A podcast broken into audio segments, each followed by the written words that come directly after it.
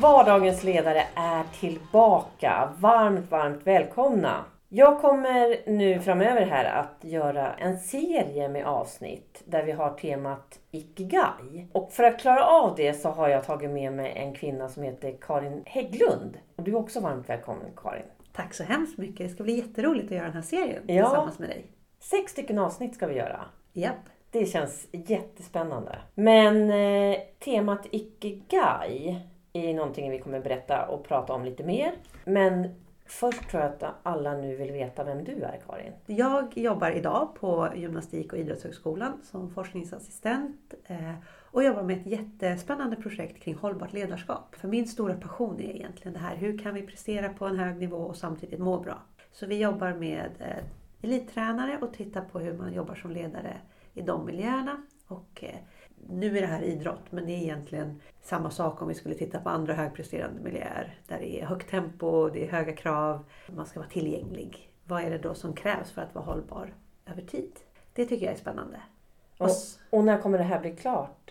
Alltså jag tänker så här, hållbart ledarskap, det är så stort. Det är jättestort så man behöver absolut eh, avgränsa sig. Det finns många aspekter. Det vi har eh, jobbat väldigt mycket med och gör i våra interventioner som vi håller på att utvärdera just nu är att vi tittar på värdet av självreflektion genom dagliga väldigt korta mindfulnessövningar. Man ska ju inte rusa framåt när man håller på med forskning och säga så här är det. Men det vi kan se och därför har vi kopplat det till någonting som heter self-compassion. Alltså att kunna ta hand om sig själv på ett bra sätt. För vi ser att många av de coacherna som vi har jobbat med har faktiskt blivit bättre på att ta hand om sig själva.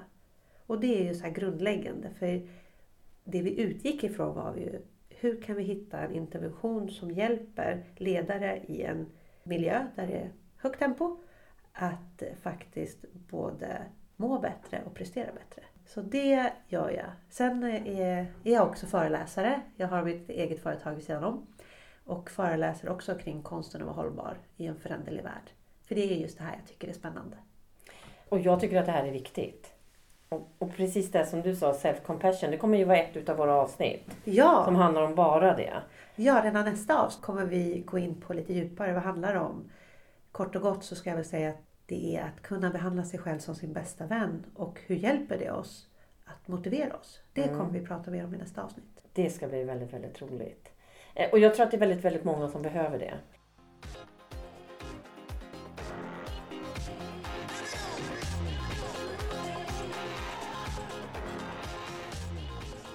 Om vi tittar på det här ordet ikigai så träffades ju vi på LinkedIn du och jag. Och där skrev ju du om ikigai i... Det, hur många avsnitt?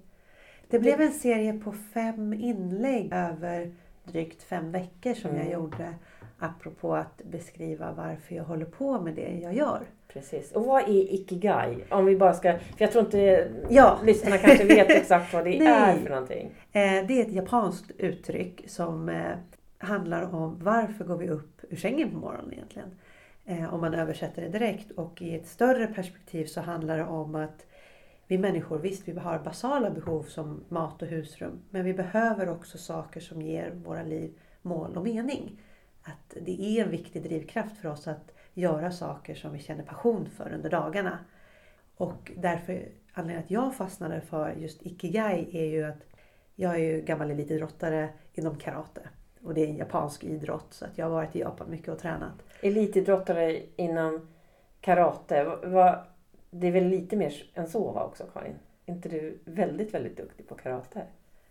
Jag har varit. Jag Mm. slutade tävla för landslaget eh, för fem år sedan. Mm. Och eh, hann under min karriär vinna en del mästerskap. Eh, svenska, nordiska och fick representera Sverige på EM och VM. Wow! Ja, det var alltså, det- fantastiskt det är- kul. Ja, och fan, jag är imponerad. Det är fantastiskt. Alltså, det... Stark kvinna. Eller hur? Tack! Och sen hade jag ett par år där jag var också assisterande förbundskapten efter jag slutade tävla. Mm. För att karaten är ju något som ligger mig väldigt varmt om Mm. hjärtat. Eh, och då kunna få ge tillbaka som ledare var också väldigt häftigt eh, att få göra. Ja, för det gör du fortfarande, eller hur? Ja, jag har sett på sociala medier tror jag nu, eller Ja, hur? idag har jag ju steppat ner från eh, landslagsnivån att vara tränare på. Eh, jag var först i Sverige och sen så hade jag ett samarbete med Isländska karateförbundet fram till januari i år. Eh, och nu har jag en tjej som jag tränar här hemma Mm. på klubben. Hon Mm. är med i landslaget och tävlar för Sverige. Hon ser också så här riktigt cool ut. Ja, men hon är jättehäftig Ja. och det är otroligt eh, spännande att få följa en ung eh, kvinna på vägen framåt. Och det blir ju väldigt mycket träning men det blir också liksom hur hanterar man allting annat i livet Mm. som händer. Och inre press och yttre press. Mm. Eh, Så det är spännande att få vara med. Just det, tillbaka till Ikigai. Det var Ja. en, Men En det var liten avstickare. utsvävning varför jag väljer ett japanskt uttryck Ja. för att eh, förklara mitt varför. Jag, skriver in, jag skrev inte my why på LinkedIn utan jag skrev mitt ikigai. Och det handlar ju om att eh, jag har hållit på med karate som är en japansk sport Mm. och eh, också väldigt influerad av den eh, japanska filosofin. Och just det här med att fylla sitt liv med saker som faktiskt ger energi, som man känner passion eh, för. Det gör ju också att vi blir mer hållbara i livet. Att vi känner att ja, men jag har valt de här sakerna som är viktiga för mig. Och en av anledningarna att jag också fastnade för just Ikigai var ju att, som man beskriver det utifrån ett japanskt perspektiv, så är det också att även om man går igenom en väldigt, väldigt svår period, att det kanske känns väldigt mörkt, eh, man vet inte riktigt var man är på väg, så känner man fortfarande att man ändå har en anledning att gå upp på morgonen. Att man ser någonting som man vill göra. Så kan det hjälpa en genom de här väldigt svåra perioderna. mm. Och det var något som tilltalade mig väldigt mycket utifrån min liksom väldigt personliga resa genom livet. Att i de där svåraste perioderna att också kunna se, hitta, finns det någonting när det är riktigt mörkt som ger mig någonting? Då är det värdefullt att ta vara på just de sakerna. Mm. Så därifrån har du jobbat med det här. Men Ja. Karin, du har ju varit med också, som du säger, din här personliga resan i det här.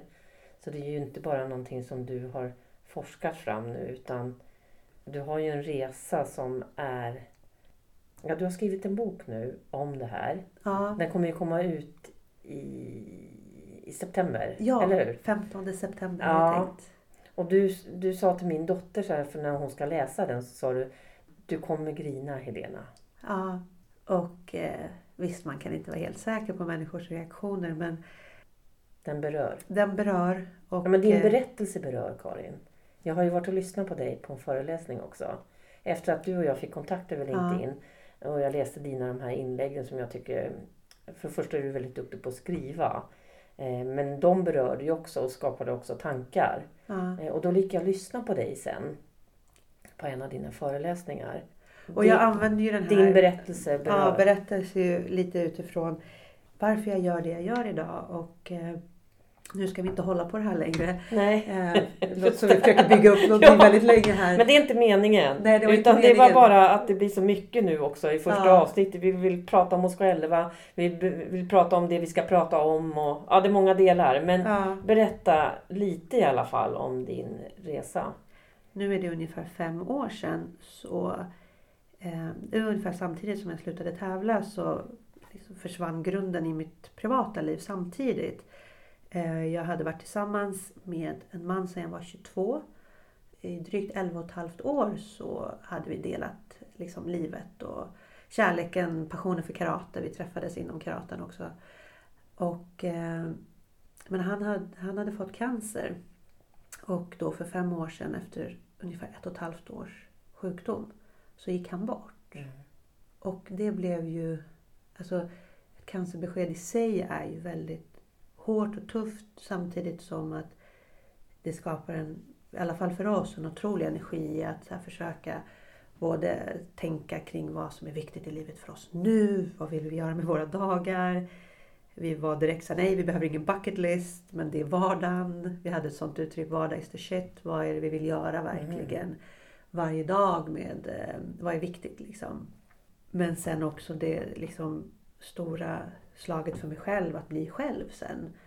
Eh, och stå med den tomheten. Och det var ju liksom en relation som jag hade blivit vuxen i. Ja men stå ganska blottad inför att jag inte riktigt visste vad jag skulle ta vägen. Och där är ju min liksom starkare koppling till ett begrepp som ikigai. Att Mm. även i den, den här väldigt svåra situationen som det var så var en av min... En, en räddning för mig var när jag kom på att okej, om jag bara försöka hitta saker som ändå ger mig mening och energi i det här. Men inte ha några andra krav på mig. Jag till exempel, ja, jag gick inte tillbaka till jobbet sådär som folk vill att man ska göra direkt. Utan att, Ville de flesta runt dig att det var det som skulle ske? ja, Ja, eh, okej. Jo, jag har en jättebra relation med kvinnan som var min chef då. Men vi har pratat Mm. om det efteråt och hon tyckte att det var jobbigt att inte jag kom tillbaka så fort. Jag De var ju, andra förväntade sig också att du skulle komma tillbaka? ja, många runt omkring. Ja. För du har också så här bilden. Jag var ju en liksom elitidrottare som klarar väldigt mycket. Jag hade klarat väldigt mycket under sjukdomen och tagit hand om väldigt mycket. Och eh, är ju liksom energisk och driven och Mm. så här, nu kör vi. Så det vart någon så här, jag har själv ingen relation till det du har varit med om Karin. Nej. Så att jag, jag, jag frågar därför också för att jag vet inte hur jag själv skulle tycka om någon annan eller om jag, liksom, om det hände mig eller om det hände någon annan till hur, vad jag skulle kräva. Så jag, Nej, och Nej. jag tror att det är väldigt individuellt. För vissa är det nog väldigt viktigt att komma tillbaks fort till den typen av rutin och struktur. Men nu när jag ser på det i efterhand så handlar det också om att jag var väldigt trött. Mm, Dels hade jag väldigt mycket sorg. Men jag var också väldigt, väldigt trött efter att jag faktiskt också hade levt som närmast anhörig i ett och ett halvt år. Eh, hade koll på allting och samtidigt fortsatt jobba min elitidrottskarriär hade jag inte heller släppt för att. Eh, träningen var någonting som gav mig så mycket att kunna fokusera på saker bara där och då i stunden. Mm. Som fick mig att slappna av på ett annat sätt. Så att, och sen kunde jag nog uppleva att för en del så var det nog också lite kanske deras egen ångest. Att man vill se, man vill kunna säga att Karin är okej, hon är tillbaka på jobbet, det funkar någorlunda. Ja, för att de runt omkring Ja. ska- liksom känna att de också klarar av att hantera det här. Ja, jag tror, det, det är ju väldigt, och det är ju Mm. naturligt, det är mänskligt. Det är ju att någon liksom loggar ur och man vet att de varit med om någonting som är svårt. är ju lite läskigt. Liksom. Vart är den här personen på väg? Kommer hon klara det här? Mm. Det där har jag ju erfarenhet även om det inte är vid dödsfall. Men när folk går in i väggen eller Ja. man blir för stressad eller för, på något Ja. sätt håller sig. Ja, det är lite läskigt. Ja, det är Mm. liksom läskigt när folk bryter av. Mm. Och det gjorde jag verkligen. Jag, men jag hade också väldigt, ett väldigt stöd i det. Dels att mina ja, min familj och närmaste vänner fanns ju där hela tiden och stöttade. Bara sa det du behöver. Mm. Så här, våga lita på dig själv. Men också att eh, ringde upp en kvinna eh, från mitt nätverk. Som, alltså vi hade gått i handledning tillsammans så vi kände varandra lite mer. Mm. Men hon sa bara, jag var med om samma sak när jag var 29. Vill du träffa mig? Och jag började träffa henne. Och hon var otroligt tydlig i det. Hon bara, ta din tid, gör det du behöver. Lyssna nu inte på alla andra. Behöver du vara hemma så är du det. Och det stärkte mig enormt. Att få det stödet. Ja, för man måste också vara stark för att klara av det. Eller hur? Alltså det är ju också en sorts inre styrka ju. Att klara av att bara lyssna på sig själv. Ja, absolut. Och det har jag ju verkligen fått testas i under den här processen. Mm. Liksom både i att vad är det jag behöver nu? Eller när nu när mitt liv absolut inte blev som jag trodde. När man någon står ganska blottad inför att så här, allt, alla de här planerna jag hade tänkt, de är faktiskt borta. Vem är jag då? Vad vill jag? Mm. Där har ju liksom Ikigai varit en liksom. Så här, Okej, vad ger mig mening och energi? Och anledningen att jag jobbar med det jag gör idag har också helt koppling till det. Mm. Eh, en av de sakerna jag visste skulle ge mig energi kom jag på efter ett tag var att komma tillbaka till idrotten. Det var då jag blev landslagstränare. Jag ringde upp och frågade. Eh, för de hade frågat innan jag slutade. Skulle du vilja vara förbundskapten? Och jag bara nej, nej, nej, absolut inte. Men då ringde jag upp och så bara, finns erbjudandet kvar? Och så fick jag komma tillbaks till karaten och att börja liksom... Och i och med det fick jag gå elittränarutbildningen. Där träffade jag den forskare som jag jobbar med idag. Och har ju blivit mycket mer intresserad av ja, men värdet av självreflektion. Hur klarar vi tuffa utmaningar i livet? Eh, Att faktiskt förstå att så här kan livet vara. Mm. Och hur kommer man faktiskt ändå framåt? Hur leder man sig själv? Även kunna leda andra i det. Mm, precis.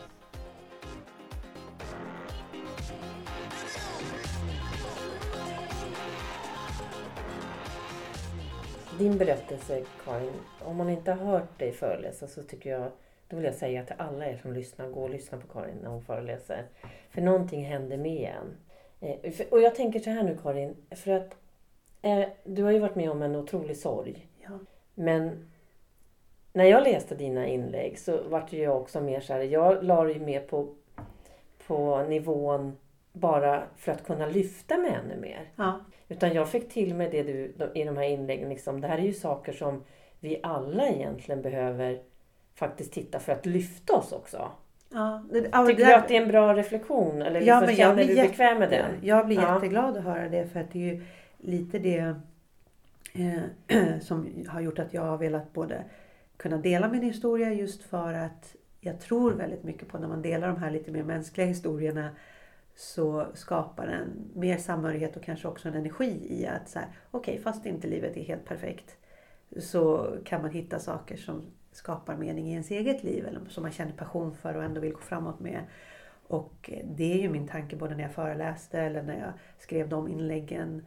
Att jag vill jobba med de sakerna jag gör idag kring liksom hur vi kan vara hållbara i våra liv är ju att vi ska inte behöva alltid kanske gå, vara med om det mest tragiska i livet eller gå in i väggen för att komma till att säga oj, jag får bestämma själv vad jag vill fylla mitt liv med. Det, det är ju en härlig känsla. Ja, Ja, verkligen. sen är det kanske inte alltid så lätt. Det är Nej. ju, att ha Nej, val är ju skitsvårt ibland men Ja, men alltså jag häftigt. tror att jag tror väldigt många faktiskt inte stannar upp och tittar och reflekterar. Vad tycker jag är kul? just det. Vad, mår jag bra av? Ja. Eh, och det tror jag kan hjälpa en till att ta det till vad vill jag göra? Och det är ju jättehäftigt för vi vill ju passa in i en grupp. Gemenskap är ju jätteviktigt. Men jag tror också att det är så otroligt viktigt att vi får eh, fylla vårt liv med saker som vi känner passion för. Som vi känner att det här vill jag bidra med. Mm. Och det, behöver, det som är rätt för mig behöver ju inte vara rätt för någon annan. Nej, men bara komma fram till det. Ja, Är, är ju en tuff, kan ju vara tuff väg i sig tycker jag. Absolut, Eller jag märker det när jag också när jag håller utbildningar i ledarskap. Jag märker att när jag ställer så här, ja, jag skulle vilja att ni stannar upp nu och reflekterar. Hur känner ni nu? Man är inte van vid att stanna upp och titta. Nej. Hur mår jag? Vad tycker jag om det här? ja. Tycker, tycker du att på. det hör ihop lite grann med iki, ikigai? Jo men absolut, det tänker jag. Att särskilt när man blir fast i att ja, men så här är bara livet. Mm. Och det bara snurrar på. Eh, man kanske känner sig lite fast i den ramen. Då tror jag att det är ännu viktigare att ta ett steg tillbaka och titta på, men vänta nu, vilka saker är det då som jag är väldigt nöjd med att jag har gjort de här valen. Mm. Och så kanske jag ibland bara inbillar mig också att det är massa måsten som det inte är. Utan, eh, utan det är ju faktiskt saker som jag har valt som jag tycker egentligen är väldigt viktigt i grunden. Sen att det ibland blir jobbigt med hämtningar av barn eller mycket på jobbet. Men det är kanske ändå någonting jag har valt i grunden för att Mm, eh, eh, jag vill ha mina barn för att jag älskar dem och jag leker med dem. Mm. Eller att eh, jag valde det här jobbet men jag vet att det också innebär stressiga perioder. Att, eller så kommer man på att så här, shit, det här vill jag inte alls göra. Det kanske jag ska göra något annat. Men att det finns hela det spektrat så att, att man stannar upp handlar inte automatiskt om att man ska göra förändringar utan bara titta på varför gör jag Ja, de för här det sakerna. kan ju också höja dig. Ja, För jag menar om jag vet vad det är som gör att jag mår bra, vad jag, när jag har kul. Om jag vet om, då är det lättare för mig att sätta mig själv i, i en sån situation. Ja. Men, men jag tycker att det är väldigt få som gör det. Jag är inte heller jättebra på det. och det är väl det som jag tycker har varit jättespännande apropå att eh, föreläsa och, och prata om de här sakerna är ju att det finns ett enormt intresse. För precis som du säger, även om man kanske inte pratar om det så ofta till vardags.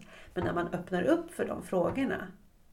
Otroliga diskussioner som blir och sorl i publiken och folk som funderar. Och jag hade någon frukostföreläsning här innan jul.